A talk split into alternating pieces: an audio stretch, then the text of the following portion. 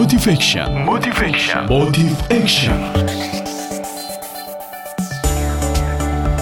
Assalamualaikum warahmatullahi wabarakatuh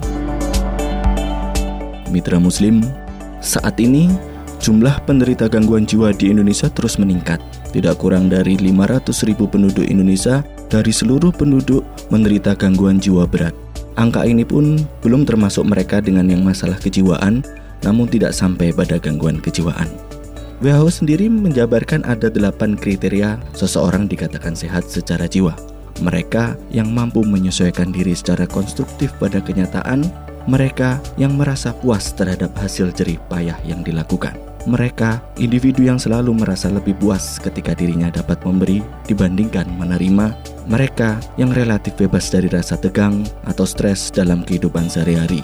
Mereka yang saling tolong-menolong dan saling memuaskan sebagai kriteria dari sehat jiwa menurut WHO ada kriteria mereka yang mampu menerima kekecewaan dan mampu mengambil pelajaran atau hikmah atas setiap peristiwa yang terjadi.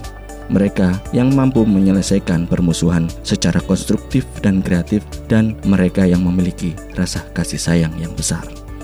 Melihat kedelapan kriteria, mungkin kita berpikir, apakah benar kita saat ini menjadi orang yang sehat secara jiwa? Namun, mitra Muslim, tentu ada banyak hal yang bisa kita lakukan untuk mencapai delapan kriteria sehat menurut WHO. Langkah yang bisa kita lakukan yang pertama adalah mendekatkan diri kepada Allah Subhanahu wa taala.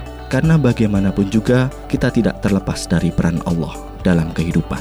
Sebagai pusat tujuan dari kehidupan dan aktivitas kita, sebagai sumber kekuatan tak terbatas yang bisa membantu kita menghadapi segala permasalahan yang kita alami. Yang kedua yang bisa kita lakukan adalah memiliki teman-teman yang baik. Sebagaimana pernah kita ketahui, siapa yang berkawan dengan penjual arang, maka dia akan terkena jelaganya. Barang siapa berkawan dengan penjual minyak wangi, maka dia akan mendapatkan harumnya. Yang ketiga yang bisa kita lakukan adalah belajar mengembangkan diri, karena hakikat hidup sesungguhnya adalah untuk tumbuh dan berkembang. Sebenarnya, masih banyak hal lain yang bisa kita lakukan dalam mewujudkan jiwa yang sehat tak ada lagi alasan bagi kita untuk tidak sehat bahkan terkait masalah kejiwaan.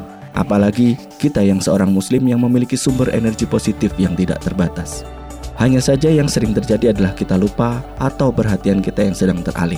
Memiliki jiwa yang sehat akan membantu kita dalam melaksanakan perintah Allah SWT.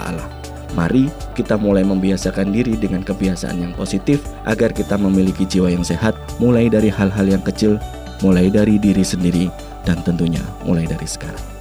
Saya Dr. Zain Budi Sultoni, Direktur Sentra Kepemimpinan dan Prestasi Pelajar Jawa Timur untuk Suara Muslim Radio Network. Wassalamualaikum warahmatullahi wabarakatuh.